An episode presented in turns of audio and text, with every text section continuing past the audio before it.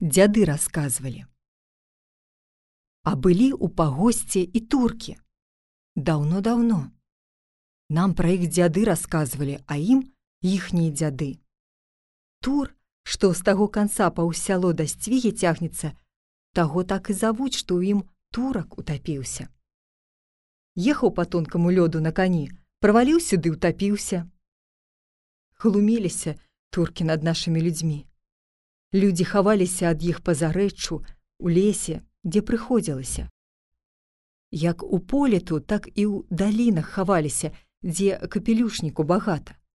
Залезе чалавек у даліну, главу з вады высуне, чтоб дыхаць можна было, а галавы не бачна, бо капелюшына зверху прыкрывае. Вось адзін раз паўцякалі людзі ад туркаў з сяла, хаваюцца дзе хто. Нехаторыя, то ў дзедавай даліне, што каля панскага поля, пад капелюшнік пахаваліся. Сядзяць да перажидаюць, пакуль туркі з сяла пойдуць. Аж нейкі чалавек ідзе па ўзберах да па-нашаму нашых людзей гукае. Куліна! Марына! Хадзі, пашлі! А ў вадзе якраз нейкая куліна і сядзела. Паверыла на гэты голас, вылезла да таго чалавека, мокрая ўся. Падышла, аж бачыць, што гэта турак, чорны з вусамі шаблю толькі ў наша адзенне перадзеты. Уцякаць не пабегла, дагоніць да яшчэ зарубае.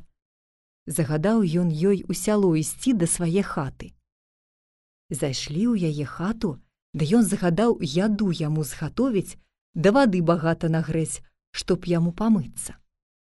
Затапіла я на печ, прыставіла там нешта му картоплі, мо крышаны, мо боршч, Бог яго ведае, а яшчэ вады ў вялікім чугуне прыставіла, як турак загадаў. Агонь у печы гарыць, у чугунах да гаршках вада кіпіць, нешта варыцца, а куліна каля печы стаіць. А турак сеў на парозе, сціражэ жонку. Ды бачыць жонка, што галава яго набок пахілілася, вочы зліпліся. Задрамаў турак. А вада ў вялікім чугуне парыць моцна, кроп ужо ў чугуне. Куліна гэты чугун вілкамі з печы выцехла, абматала шматкою, узяла дзвюма рукамі да як шамнула увесь кроп турку на галаву. Апарыла яго, ды ён кончыўся. Вось так жонка турка накарміла і сама жывая засталася.